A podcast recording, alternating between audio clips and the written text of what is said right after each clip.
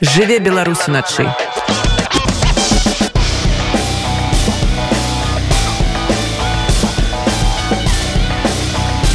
беларускія ноцы. Проекту новая Беларусь споўніўся один год. За гэты час прыладу спампавалі 33 тысячи карыстальнікаў. Прычым палова з іх знаходзіцца ў беларусе пра галоўныя дасягненні і недапрацоўкі проекту а таксама планы на наступны год паразмаўляем з гостцем радыё унет дырэктарам па камунікацыі новой беларуси глебам германчуком. Глеб доброй тебе ночи. Доброй ночи. Рад всех приветствовать. Вот сейчас рад тебя видеть узаема нарэшце на, да. нарэшце вось гэты момант момант адбыўся і мы бачымся ўжывую да. У фармаце офлайн давай для пачатку вызначымся что такое новая Беларусь тому что гэты проект у свой час прэзентавалі як яго толькі не прэзентавалі і казалі что гэта лічбавая дзяржава і что это лічбавае грамадства для некаторых гэта такая аплікашка была. І ніхто не мог конкретно крэсліць что такое вось гэтая новая Беларусь что гэта? Патлумач нормальным литературным языком. Да, наконец-то мы определились. Действительно, год назад а, мы, в принципе, так и позиционировали себя как цифровое государство. Однако, а, начиная, наверное, от нас и заканчивая всеми людьми, не очень все понимали, что туда должно входить в это понятие. Не просто не разумели, да гэтуль не разумеют. Действительно, потому что у нас есть примеры Эстонии и Украины, где функционируют свои примеры цифрового государства, например, как ДИА в Украине, но а, понятно, что э, как оно существует, потому что это э, в рамках действия действующего государства, это не миграция. Наш кейс уникальный. Мы действительно хотели создать, э, в первую очередь, какую-то такую систему, которая бы могла стать инструментом для нашего общества. И назвали это все цифровое государство. У нас было в наших гипотезах, что оно будет состоять из социокультурного, экономического и политического слоев. Однако проверить, как это можно построить и как это можно функционировать в нынешних условиях, когда у нас очень большое количество э, людей и демократического общества находится в эмиграции, действительно очень сложно. И мы проверили эти гипотезы и поняли, что людям действительно не очень понятно, как это строится, как оно будет выглядеть не только, не только онлайн, но и офлайн, в принципе. Мы задаемся этим вопросом, потому что мы до сих пор не решили эту проблему. И мы поняли через год для себя, запустив ряд проектов, среди которых налоговый проект, связанный с политической основой, наши также ряд развлекательных, культурных проектов, что мы можем э, претендовать. Сейчас, скорее всего, выглядим как э, цифровая экосистема разных сервисов и продуктов, которая может стать, объединять на базе себе белорусов и белорусок и самое главное, давать ее пользу. Цифровая экосистема. Действительно, да. Если ты вспомнишь, мы, Паша начинал так. в 2020 году эту экосистему с известного проекта «Голос», который доказал фальсификацию выборов 2020 года режимом Лукашенко. И также, я думаю, он присутствует во многих э, документах Совета Европы, как этот главный инструмент. Об этом действительно все знают. Это очень популярный. Но и плюс очень много проектов, которые за вот эти три года Паша с разными партнерами, например, э, также запускал. Это, например, Е-здоровье, это Legal Hub, это очень популярные сервисы, которые сейчас интегрированы в Новую Беларусь. Но и год назад мы запустили на самом деле... Но эти все сервисы, они являлись чем? Они являлись конкретной помощью для, по конкретному запросу людей. Однако они не решали фундаментально проблемы всего белорусского общества, гражданского общества А есть штосьці ці хтосьці хто вырашае а сейчас вот именно Новая Беларусь, э, мы хотим создать эту систему, которая будет входной дверью вот в эти вот все сервисы. Е-здоровье, Баймапка, Legal Hub. Мы собираем в одном... Такие вот... агрегатор. Конечно.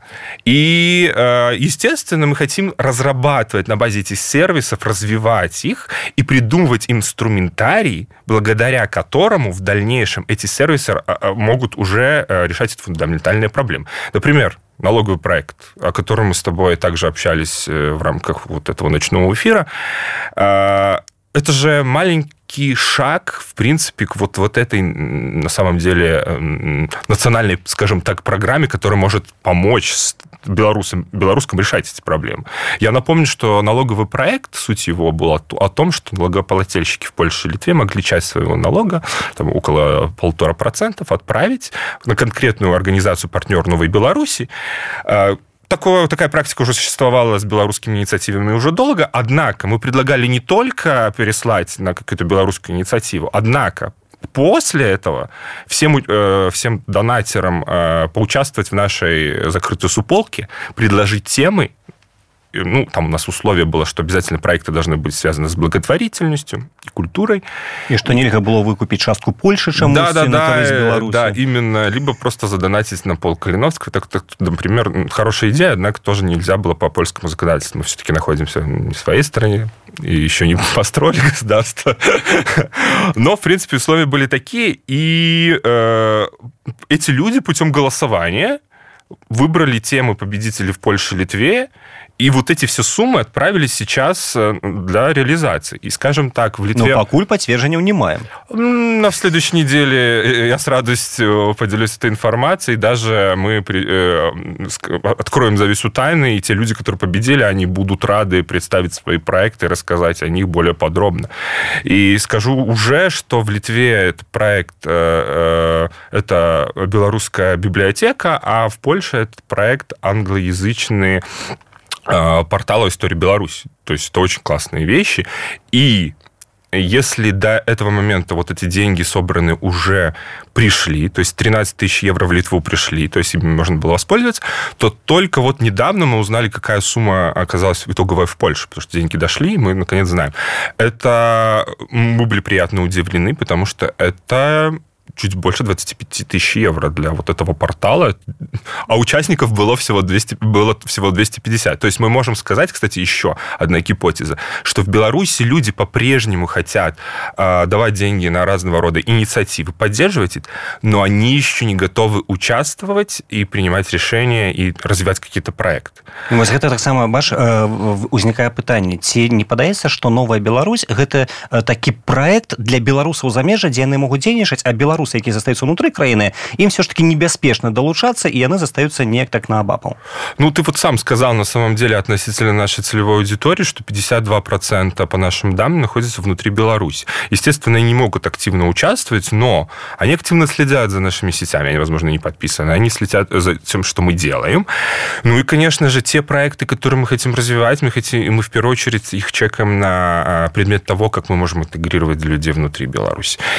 и это очень важно важный момент на самом деле але якія напрыклад выгоды атрымаюць людзі унутры беларусі ад таго что у літве з'явіцца бібліятэка а у польше сайт на ангельской мове Слушай, ну, в любом случае, мне кажется, время покажет, насколько это актуальные проекты, но а, главным параметром э, успешности этой идеи нам было важно, чтобы у нас было, кстати, на этапе самопроведения, второго этапа, там, где мы выбирали идей, э, у нас была форма, где э, авторы идеи должны были доказать, что эта идея актуальна, что они могут собрать команду, что вот этот бюджет, который они получат, он будет не просто, они придут, подумают, что и с ним делать, там, и наймут того же библиотекаря или купят эти книги и все остальное.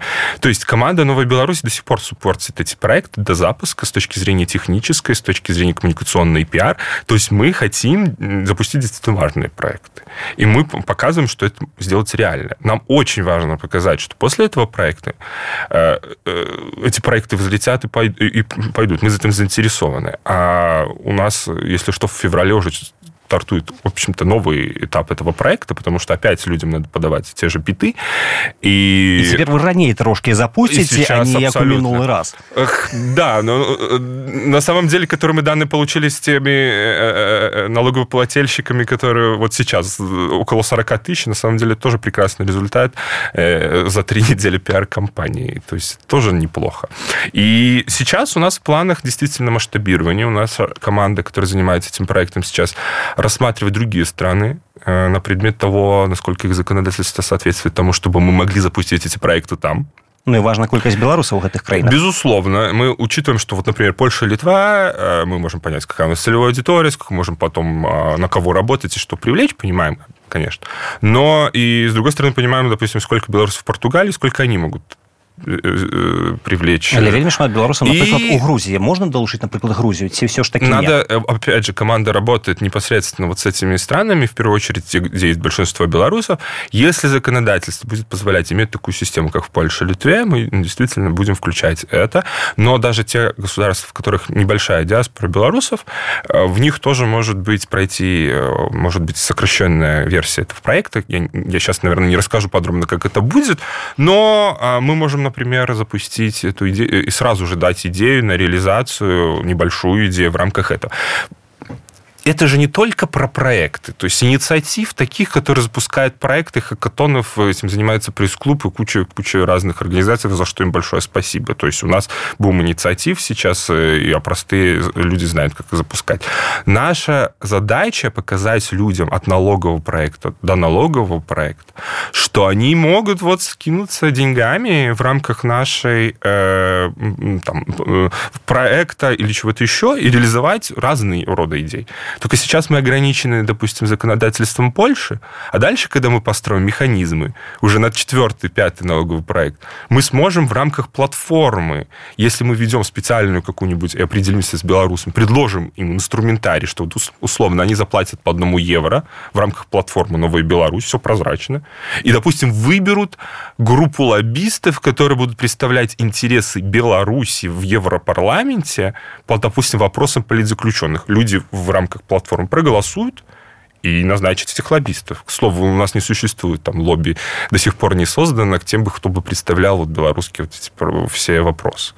Профессионального лобби я имею в виду. Да? Э, и поэтому это очень важно. Мы этим проектом сейчас демонстрируем этот первый шаг, что через пять лет все-таки мы готовы идти в долгую, э, что мы получим национальную программу. И когда уже на платформе будет условно в экосистеме не 60 тысяч, а уже 100 и более, то эти люди смогут решать конкретно. И самое главное, за 30 лет вот этой выученной беспомощности мы приучаем людей действовать не ждать, что чем закончится война в Украине, не ждать э, санкций от Евросоюза, от США и кого-то еще, а в рамках платформы даже вот тот пример с лоббистами это очень я спадзяюся что все ж таки что праз 5 гадоў нам э, давядзецца гэтым всем займацца внутри беларусі э, я не, тоже а не па глядзі да, давай абмяркуем трошки лічбы павел лібер днямі казаў что прыладу смапавала 33 тысячи карыстальнікаў вся экасістэма это 58 тысяч чалавек і гэтыя лічбы меншыя за запланаваныя а якія лічбы вы планавалі что вы хотели убачыць вось цягам гэтага года? На самом деле мы ставили для себя чуть большую цифру, она была 75 тысяч. На чем она базовалась?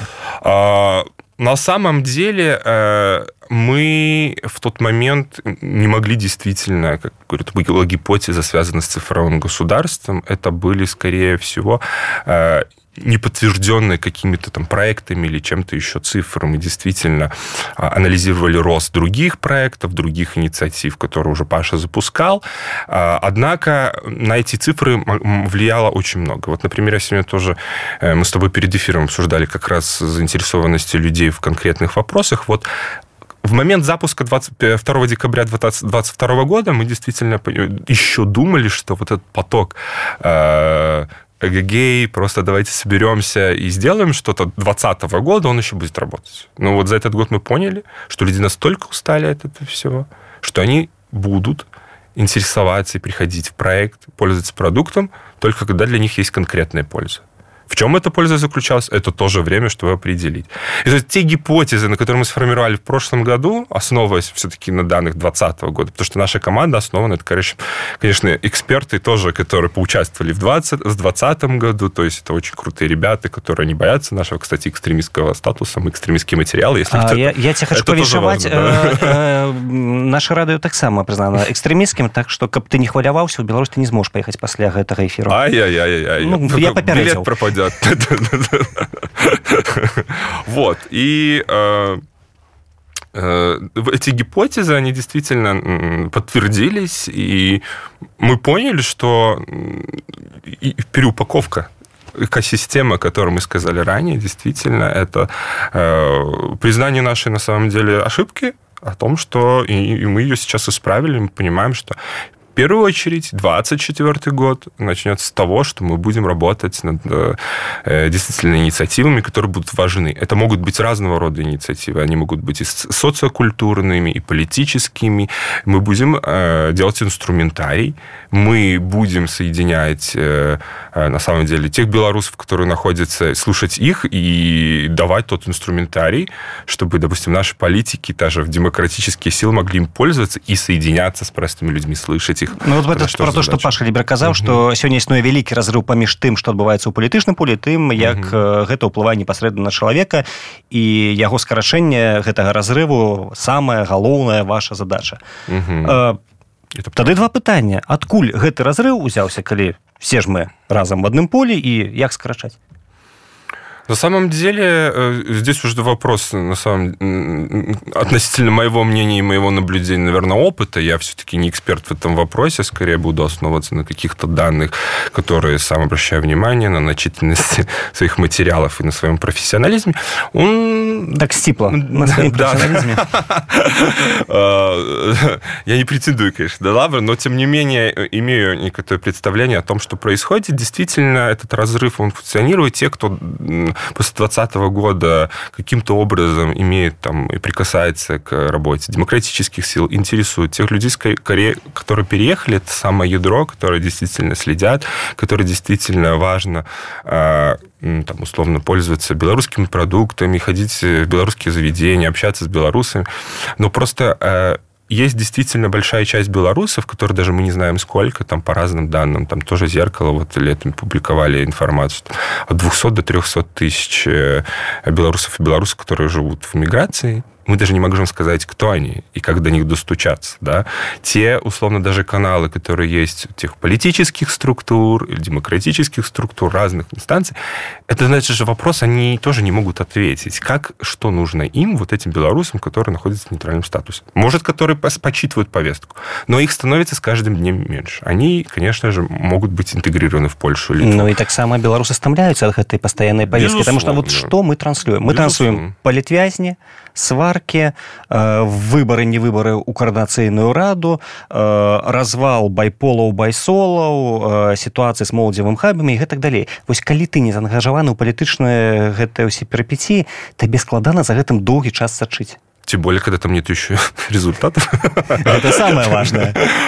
Самая, самая большая проблема на самом деле, э, да, у нас появляется, у нас э, появляется формирование гражданского общества. Вот после 2020 года, как никогда, мы очень рады и обратили все внимание на независимые медиа и на много-много. Ну, начало пути. Условно, у нас большие пробелы в развлекательной журналистике. Сейчас наш YouTube-канал очень над этим работает, однако у них не такая большая аудитория, потому что мы не научились делать этого контент. Але ведаеш про секс по-беларуску уже пачалі размаўляць это важно мне здаецца вось калі пачынаць размаўляць про секс по-беларуску все будет добро. А у Макс... Э, если ты знаешь, Максим Пашута делал, э, делает свой проект. кардыо? Да. Яшчэ да. як ведаю. Вот, И вот. не он один на этом шляху, поверь мне.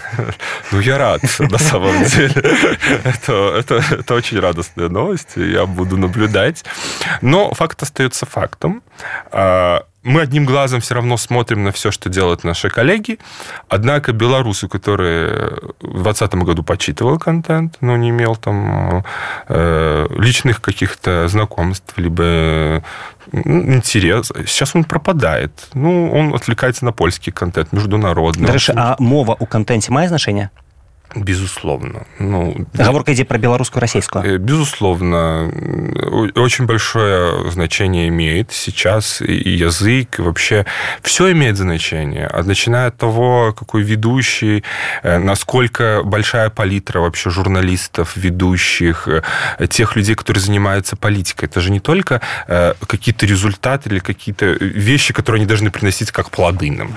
Те люди должны, эта палитра быть максимально разная. У нас почему-то вот это всегда э, вот есть это стремление стандартизироваться, как-то вот э, не выпячиваться. У нас не очень большая палитра даже среди тех политических лидеров или ведущих, которым можно сказать, о, мне там нравится вот э, тот или иной. Ну, в Ютубе, наверное, больше. Но все равно некоторые называют это калькой, может быть, с российского рынка, там какие-то похожие проекты, что-то еще. В общем, это большой путь. И не только в журналистике, но и во всем остальном. И вот, например, запуская сейчас в в честь нашего дня рождения Гастрофест а, у нас было очень много разных идей, как э, со статусом экстремистским через этот проект показывать разных белорусов, которые действительно работают, там, например, в баре «Карма», либо в «Джиджи», там, повара, простые клиенты, бизнесы. Это настолько разные люди, э, вот не затянуты, на самом деле, в эту политическую всю э, перипетию, однако они делают э, Беларусь, не забывают Беларусь и делают классные бизнесы, продукты прямо здесь, здесь и сейчас. И как круто их показать, они вообще не стесняются, приходят к нам в сети, рассказывают, ну, говорят на разные темы и, готовы к сотрудничеству. Да, а хто бы мог подумать нас, на, наконт нам... беларусаў глядзі просто mm -hmm. літаральна сёння э, закрываецца ось у гэтыя хвіліны нават берстейшн адзін mm -hmm. з першых дакладней першы у вашай берстейшн які знаходіцца на кэмпнай mm -hmm. і там я вот заходзіў перад эфірам там людзей набіта так што немагчыма прайсці аўторак вечар пасля працоўнага дня людзі салідарызаваліся каб развітацца з барам які адкрыецца праз там літаральна пару тыдняў на другім баку вуліцы але вось гэты паказчык што мы павінны быць разам і мы павінны паказаць что да мы тут мы солідарныя і мы працуем слушай ну это это круто еще знаешь когда ты делаешь эти проекты ощущать это на кончиках пальцев потому что не всегда понимаю что попадает в сердечко вот например гастрофеста мы понимаем что э, это скорее да не пройдут скорее про эмоции, встречи. Это как ничто очень совпало с, э, с идеей нашего вот проекта, который хотел соединить всех белорусов и белорусок по всему миру. Это наша идея. Все белорусы любят есть, правильно? Ну, в том числе, да. А у нас, кстати, идея была, а, а, вот, вот, вот что мы можем, вот наш, много подписчиков, много людей, стран, что мы можем вот э, подарить, там, что написать, что им сказать. Это же большое количество людей, которые присоединяются в платформу, не боятся ей пользоваться, э, там ждут новых сервисов, что-то еще, там очень много. Как нам их облагодарить, мы подумали. А давайте сделаем проект, который будет идеей, что белорусы могут просто встречаться в этих заведениях, в объединении в том числе. И насколько это возымело успех. То есть понимаем, что это, что это не тот формат гастрофеста, который там существует, наверное, до сих пор в Беларуси, э, но вот такое напоминаю, что можно встретиться. Это ажиотаж в этих заведениях, особенно в Грузии, который... Ну, вот это... да, гастрофест, где э, отбывается, з яких, по какие даты, кто может прийти, куды? Да, на самом деле идея возникла в нашей команде. Кстати, большое хочу воспользоваться случаем передать привет моей команде, которая э, действительно за очень короткий срок э, сделала этот проект и вообще работает уже на протяжении года. Мы собрали уникальных людей. Э, это... Моя команда это сколько человек? Я разумею, что не все. У меня есть команда, называть. на самом деле... Э, коммуникаци... У тебя несколько команд. Нет, у меня есть... У меня есть команда, э, которая коммуникационная, непосредственно, которой мы делаем проект, но, однако, э, и все те, кто, э, там, условно, тот же Паша, наша политическая команда, все эти люди все это время делали колоссальную работу. А Новая Беларусь, это 10 человек, 100 человек, 500? Я не буду говорить цифру, но у нас есть небольшое деление на несколько департаментов, которые основные занимаются Паша, который работает и занимается непосредственно разработкой продуктом, э, коммуникационной команды, которая занимается так, мы выглядим э, перед всеми нашими пользователями, партнерами во внешней и внутренней каких-то среде, формируем вот это вот все и занимаемся, в принципе, брендом.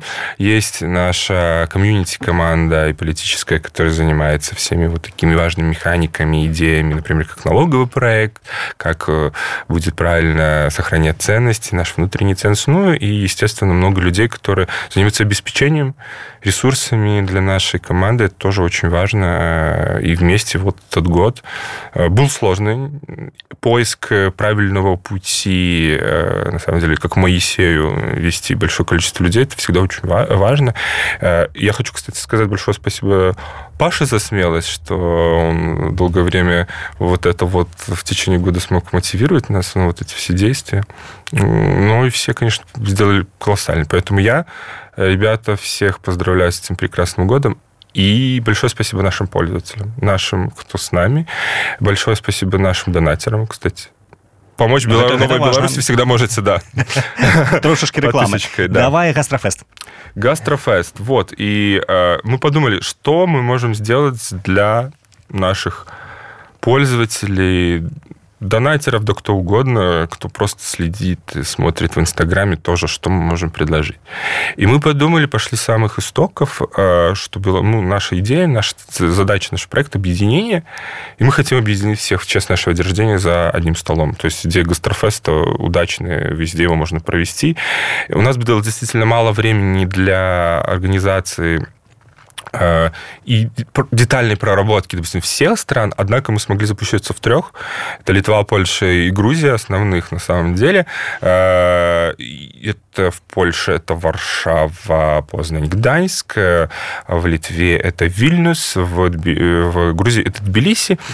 Но это 11 заведений с невероятно классным меню, и однако мы составили кстати, напомню еще, э, у нас прекрасная моя есть коллега Мария Гриц, которая помогла нам э, просто найти уникальный контент белорусской кухни. Там не только граники, как все некоторые думают, там у нас было несколько листов. И мы предложили этим заведениям привнести что-то свое и включить это в гастрофест. Это невероятное блюдо ты можешь просто прийти сам. Вот в Варшаве это Джиджи, Карма, э, TMA, э, тот же Beer Station в Урсынув, правда, э, какао-кафе с их невероятным сырником. И продегустрировать это классно. Действительно круто, что повара постарались, сделали какие-то свои акценты. И вот Гастрофест с 1 по 10 декабря вы можете прийти в один из этих городов и попробовать. И и уже мы запустились только первое. Мы сейчас имеем просто невероятное количество отзывов наших в сетях. А, заведения уже говорят о том, что сеты пользуются невероятной популярностью, что всем важна в том числе эмоциональная среда, атмосфера. Может быть, это непривычный, знаете, там, сет, там, где он, за маленькую стоимость ты можешь получить кучу еды, там, э, поесть до отвала. Формат но у нас причем еще уникальный формат. Ты, во-первых, 2 декабря имел возможность получить э, комплимент от Новой Беларуси. Каждый э, из этих заведений придумывал какой. Вот, например, в Карме давали стикерочек, а потом э, сделали свой розыгрыш, и победитель пойдет делать татуировку кто-то мастера, не знаю. На вот коли не хочешь. Да, да, да, именно. И а подача тоже, мы подумали насчет подачи. Каждое из блюд в этих заведениях подается со свечкой в честь дня рождения Новой Беларуси. Ты можешь загадывать желание. Отметок очень много. И до 10 числа Гастрофест будет доўжыцца. Э, до 10 да. В 11 мы подведем итоги, расскажем, как это все прошло. Давай яшчэ подвядзем вынікі таго, як найчасцей беларусы карысталіся вось аплікашкай. Што качалі, што шукалі? Э, слушай, на самом деле тоже очень интересно. Э, э, скажем так, из замечаний главных к приложению «Новая Беларусь» была запутанность, непонятность какой-то системы. Мы сейчас, кстати, работаем над архитектурой тому приложения, чтобы оно было удобное, но не все также понимали вот к вопросу digital государства, ты приходишь внутрь приложения и не очень понимаешь, что, для чего оно. Оно вроде для всего, но там ты видишь афиши, какие-то сервисы, ну, ну, ну, ты не можешь сказать, что это. И э, на самом деле мы выделили еще летом э, в яркие проекты, например, афиши. Мы понимали, что это очень э, достаточно базовый и крепкий сервис, который можно развивать и с ним работать. И мы на базе афиш создали скажем, такую систему летних фестивалей, которую мы поддерживали технически, тем самым сделали тоже первый шаг, например, к поддержке вот таких ивентов белорусских крупных. А, если мы на этапах вот этого лета смогли с ними поработать, там, например, пуш-уведомления для участников фестиваля. Вот берите зонты с Крупадида, что очень удачное партнерство. Это начиная вот с каких-то технических деталей, там, регистрации, браслетов, и начиная еще, то в дальнейшем вот этот сервис Афиш, э, мы планируем, что это может стать удобной, э, э, например, фишкой с точки зрения агрегатора и продажи билетов. То есть потенциально это, этот сервис с точки зрения развития пользы может стать очень крутым. То же самое интеграция баймапки в наше приложение, тоже очень известный проект. Мы тоже, у нас большие планы насчет него. Это же очень много бизнесов, которые представлены, и важно придумать их в рамках экосистемы, что они могут предложить? Скидки, может, какие-то коллаборации. Это очень важно. Просто присутствие на карте, обозначение, что это из Беларуси, конечно, это удобно, но хотелось бы, чтобы это еще было очень каких-то много надстроек, которые могут помогать. И вот это основное. Ну и, конечно же, Legal Hub, Е-здоровье, очень популярные вещи, которыми, кстати, пользуются люди и внутри Беларуси. Стоит отметить, тоже Е-здоровье многие, вот, например, э, люди внутри Беларуси, э, особенно в, может быть, каких-то небольших поселках, маленьких городах, наличие там врача из Минска, например, который консультирует, и можно проконсультироваться онлайн, для них очень, конечно, весом, потому что, хоть он даже находится и в Варшаве, например. И то есть мы вот этот вот сокращаем путь человека, который находится, мало того, что э, в Беларуси, так еще и, и, наверное, скорее всего, у него есть проблемы с оказанием там, какой-то нужной ему помощи именно там. Ну, то же самое и Legal Hub, который, э, я думаю, очень многие воспользовались э, связи с той ситуацией, в которой мы отказались после 2020 года. Это очень важный сервис. Ну, вот это одни из, э, на самом деле, важных сервисов, которые сейчас есть на платформе, и еще будет. И, наверное, ты хочешь спросить, Я хочу, да, что будет? 2024 год надыходзіць год вы адпрацавалі заўважылі дзе не дапрацавалі што трэба зрабіць что чакать в наступном Супер амбициозные планы. Теперь э, расскажу немножко подробнее. Начну с самого крутого, который мне больше всего понравилось. Еще год назад мы планировали запустить все-таки платформу со знакомствами, но уперлись в то, что э, на платформе, естественно, все при, при, присутствуют с вымышленными именами, и как же организовать э, платформу знакомства с людьми с анонимными. Ну, это, конечно, такая лотерея очень интересная, можно было в нее поиграть, но я думаю, что не хотели бы наши пользователи встречаться с КГБшниками или с кем-то еще, это было бы кощунственно. Поэтому сейчас мы планируем действительно сайт, э, платформ, сервис, связанный с знакомствами, анонимными, но для пользователей, которые э, могут и считают, что они могут э, быть не, не анонимными, и, и все уже сейчас его очень ждут. Андрей Ткачев, привет. Вот. А что еще будет? На самом деле будет еще очень много проектов связаны с информацией, медиа-агрегатор по принципу платформ, где будут встречаться новости и собираться из всех медиа, будут э, присутствовать на медиа-агрегаторе, будут собраны. То а есть... уже есть медиа, якое заявляется агрегатором, э, там замест Лукашенко пишут диктатора, вот тебе все отрымалось. Ну, э, суть у нас будет немножко другая. Важно, чтобы в ленте новостей оказывались многие белорусские издания, однако у нас еще будут, я думаю, ставка с международными, где будут переводиться на белорусский язык новости. Это будет команда, которая будет сидеть, э, сочить, выбирать, подбирать. Я думаю, что если мы претендуем на цифровую платформу, все-таки мы сможем решить это проще, чем, чем нанять, не знаю, 100 человек, которые будут стучать по клавишам.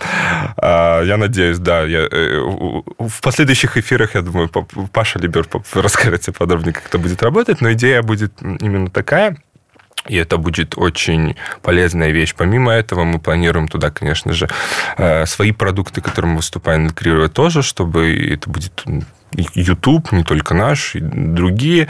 Э, и, и действительно, э, нам важно еще, чтобы эта платформа была читаемой внутри страны.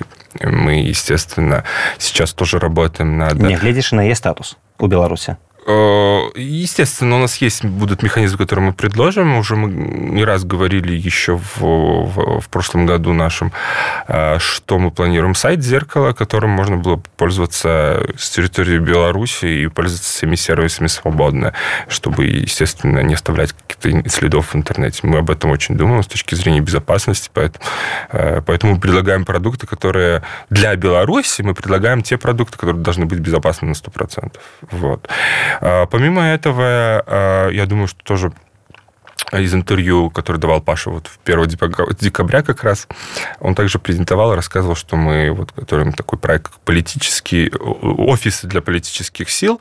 Это тоже очень важно, чтобы был инструментарий для многих организаций, которые ищут сейчас контакт. Это, опять же, вот э, когда ты спрашивал относительно инструментария, который бы связали ве, самый верх наш и людей, нам важно построить такие офисы, чтобы это были какие-то свободные инструменты для петиций, для обращения, обратной связи и всего того. И опять же, тоже процитирую Пашу, чтобы, что это могут быть не только известные на демократические структуры, которые везде у нас, но, например, Зенон Поздняк с радостью, э, мы его тоже будем ждать, он может тоже организовать это. Не только он. Вот. Э, мы будем развивать другие, конечно, сервисы, которые я в том числе говорю. Налоговый проект нас ждет, мапка, афиши, э, суполки, которые... Суполки, вот, например, у нас многие проекты сейчас на базе суполок такой функционал, который мы тестили на и налоговом проекте, и на летних фестивалях. В рамках э, созданы суполки. Там, не знаю, ее может создать, например, редакция э, радио УНЕТ и сделать ее закрытым, разработать функционал, опять же, где вы можете общаться, что-то делать. Что уж культура вот этих телеграм-каналов, э, мне кажется, уже, уже пора как-то выводить на новый уровень. Новый, да, новый уровень было бы правильно это сделать. Вот, э, если кратко, одни из немногих э, тех проектов, но я опять же повторюсь, что мы, как экосистема, открыты к любому партнерству, с нами можно приходить, сотрудничать, предлагать, то есть очень много идей. Яким чином? Да, все очень просто. Пишите к нам support собачка, собачка New Беларусь.ком. Ну, там доклады даже... будут читать и просто потрапить ну, в бот, и скажут, дякую вам великий за вашу пропанову, обовязково с вами свяжемся. Хотел сказать, это будет зависеть от пропановы, но нет, я обещаю, я периодически заглядываю в эту почту сам. И нет, мы очень внимательны, потому что именно яркие, крутые идеи, тоже часть вот этой экосистемы. Мы внутри нашей команды, кстати, проводим очень часто хакатоны вот таких проектов. И вот Гастрофест — это идея э, нашей команды не буду оглашать имя, кого именно, но в рамках хакатона. И нам очень важно, когда люди проявляют инициативу. Самое главное, повторяю, инициатива, как и в налоговом проекте. Участвовать в таких проектах будет э, участие вообще в чем-то, интерес в чем-то. Это то, то, чему нас 30 э, лет не учили, и нам пора бы это уже браць на вооружение участвовать на гэтай пазітыўнай ноце мы скончым нашу размову тому что час ужо міну я нагадаю нашим слухачам что сёння гостем радыонет быў дырэктар по камунікацыі проекта новая Беларусь глеб германчук. Дзякуеш раз. Доброй ночи